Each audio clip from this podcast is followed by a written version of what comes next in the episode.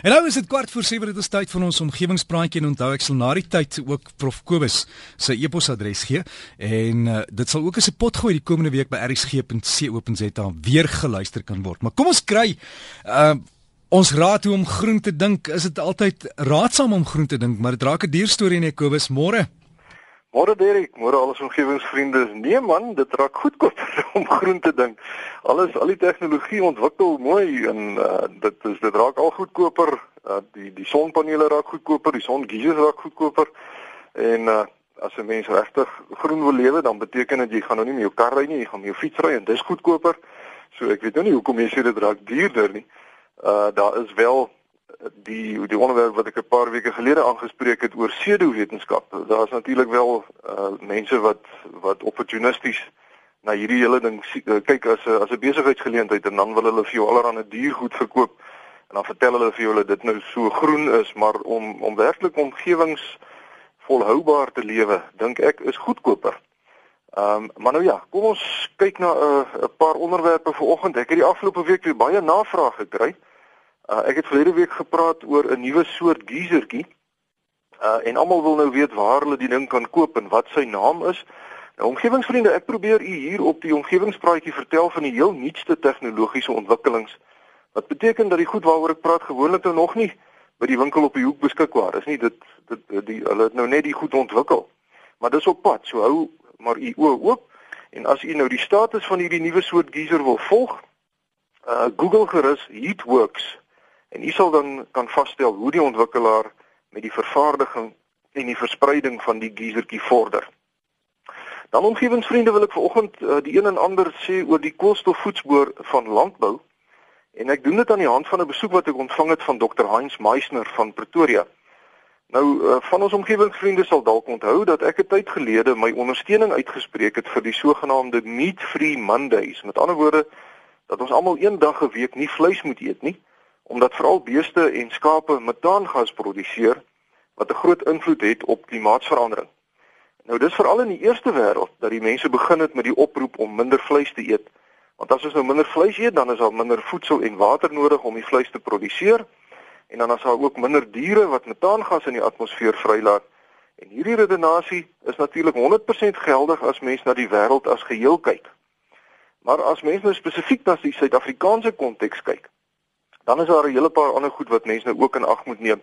En eerstens is dit so dat die aantal mense in ons land wat gevoed moet word elke dag meer word, maar die beskikbare oppervlakte landbougrond bly dieselfde. Daar kom nie meer plase by soos wat die mense meer word nie. En hierdie eenvoudige feit lei ons tot die gevolgtrekking dat gekonsentreerde kommersiële diereproduksie, soos byvoorbeeld nou voerkrale, onontbeerlik is om genoeg kos vir al die mense te te produseer. Want as ons die kos nou uh op die sogenaamde free range metode wil produseer waar beeste nou los in die veld loop en wy, dan gaan ons nie um genoeg beeste kan produseer nie want die beperkte oppervlakveld wat ons het, gaan ons dan nou heeltemal oorbewei en vernietig. En daarom het die boere begin met goed soos voerkrale of dan gekonsentreerde varkboerderye of hoenderboer uh, hoenderbatterye. En een van die voordele van sulke produksiebenaderings is dat die boere die kos wat die diere gevoer word presies kan beheer.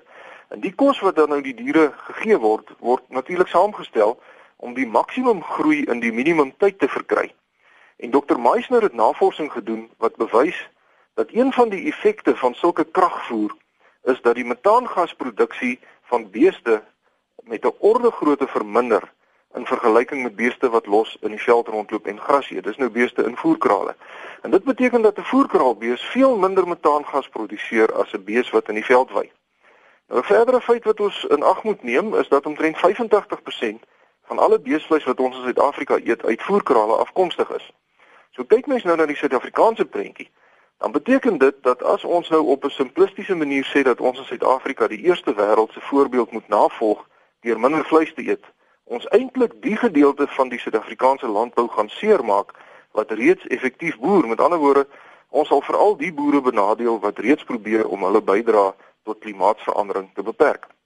So die antwoord op ons probleem van metaangas uh, produksie by diere lê daarom hier in Suid-Afrika met ons unieke politieke, sosio-ekonomiese en ekologiese toestande nie noodwendig daarin dat ons nou minder vleis moet eet nie, maar eerder dat die boere wat nog steeds oneffektief boer aangemoedig behoort te word om hulle boerderymetodes ook in lyn te bring met wat in Engels bekend staan as climate smart agriculture. En in hierdie verband is ons boere baie aktief om nuwe metodes en tegnieke toe te pas om hulle invloed op die omgewing so laag as moontlik te kry. In 'n navorsingsverslag wat in Desember verlede jaar deur die Universiteit van Fort Hare gepubliseer is, is daar 'n opname gemaak van die maatreëls wat boere reeds toepas om klimaatslim te boer. En uit die verslag is dit duidelik dat ons boere eintlik baie meer proaktief is in hierdie verband en dat klimaatslim boerderypraktyke wyd toegepas word ten spyte van die feit dat uh, al die regeringsvlakke en organisasies se beleide oor hierdie uh, onderwerp nou nog nie in plek is nie. Ons kort byvoorbeeld nog 'n klimaatslim beleid op nasionale vlak. Maar ten spyte daarvan het verskeie van ons boereorganisasies, soos byvoorbeeld die rooi vleisprodusente organisasie, die KwaZulu-Natal geen bewerking klub, die graanprodusente organisasie van Suid-Afrika, die Suid-Afrikaanse wyn- en vrugte-industrie, asook die Afrika Boere Organisasie van Suid-Afrika, onafhanklik die beginsels van klimaatslim boerdery aanvaar en hulle is besig om dit te implementeer onder al hulle lede. Maar wat nou nog uh, wat nou nog kort is navorsing. Ons moet meer navorsing oor water en grondbewaringstegnieke doen, uh, beter bestuur van grondvrugbaarheid, die ontwikkeling en teeling van droogtebestandige gewasse en dan diere wat met minder water kan klaarkom en so aan. So hier is eintlik 'n groot uitdaging vir ons navorsingsinstellings in Suid-Afrika. Maar die oorkoepelende doelstellings van klimaatslim landbou is om kweekhuisgasvrystellings vanaf die landbousektor te verlaag om die landbousektor meer bestand te maak teen klimaatsverandering en dan ook om hoër opbrengste te verseker sodat ons boere genoeg kos kan produseer om vir al ons mense nou kos te gee. En die klimaatslim boere innovasieprogram van Graan SA beoog ook om markinstrumente soos eh, betaling vir ekosisteemdienste en die koolstofmark te gebruik om die aanvaarding en implementering van klimaatslim boerderymetodes onder hulle lede te versnel.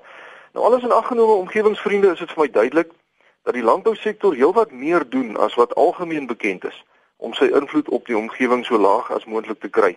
En ek sê graag weer baie dankie vir Dr. Hans Meisner vir sy waardevolle werk en dat hy al die pad van Pretoria af gery het om my 'n bietjie te kom wys wat die boere doen en my reg te help. Die gesegde wat sê as jy oor die boere wil kla, moenie kla met jou mond vol kos nie. Het in die lig van al die maatreëls van die boere om volhoubaar te boer vir my opnuut aktueel en geldig geword.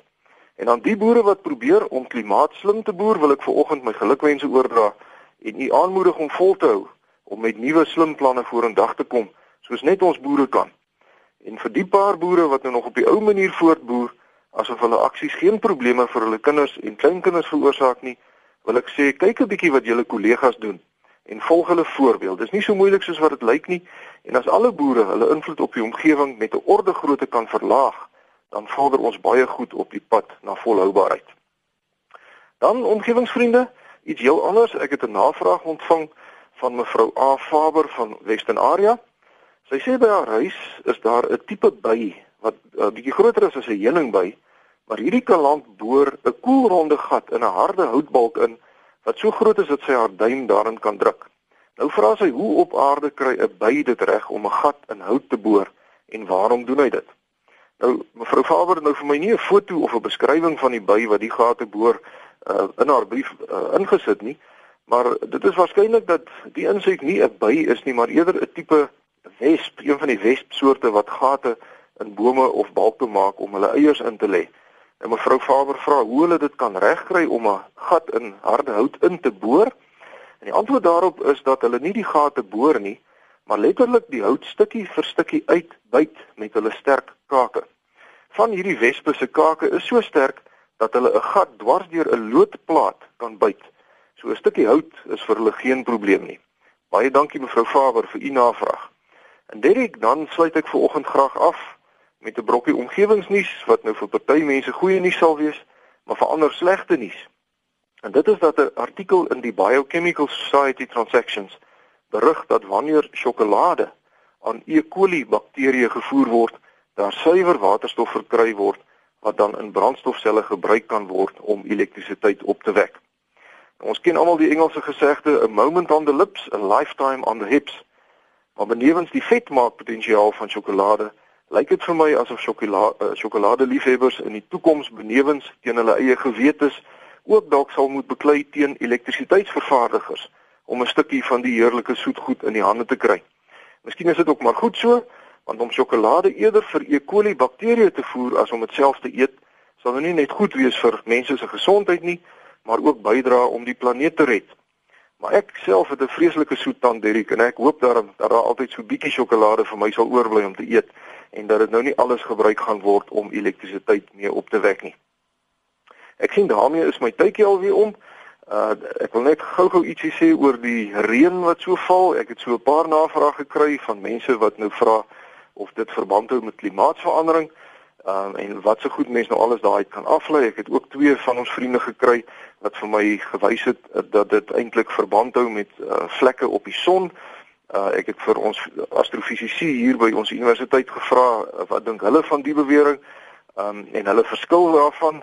Uh Derek, ek beoog om volgende week 'n bietjie te gesels oor oor die uh, reën wat ons gekry het. Ek dink voorlopig kan ek maar net sê Ons werk in hidrologie met 'n konsep wat bekend staan as die herhalingsinterval. En dit beteken hoe gereeld 'n sekere vloed nou gaan voorkom.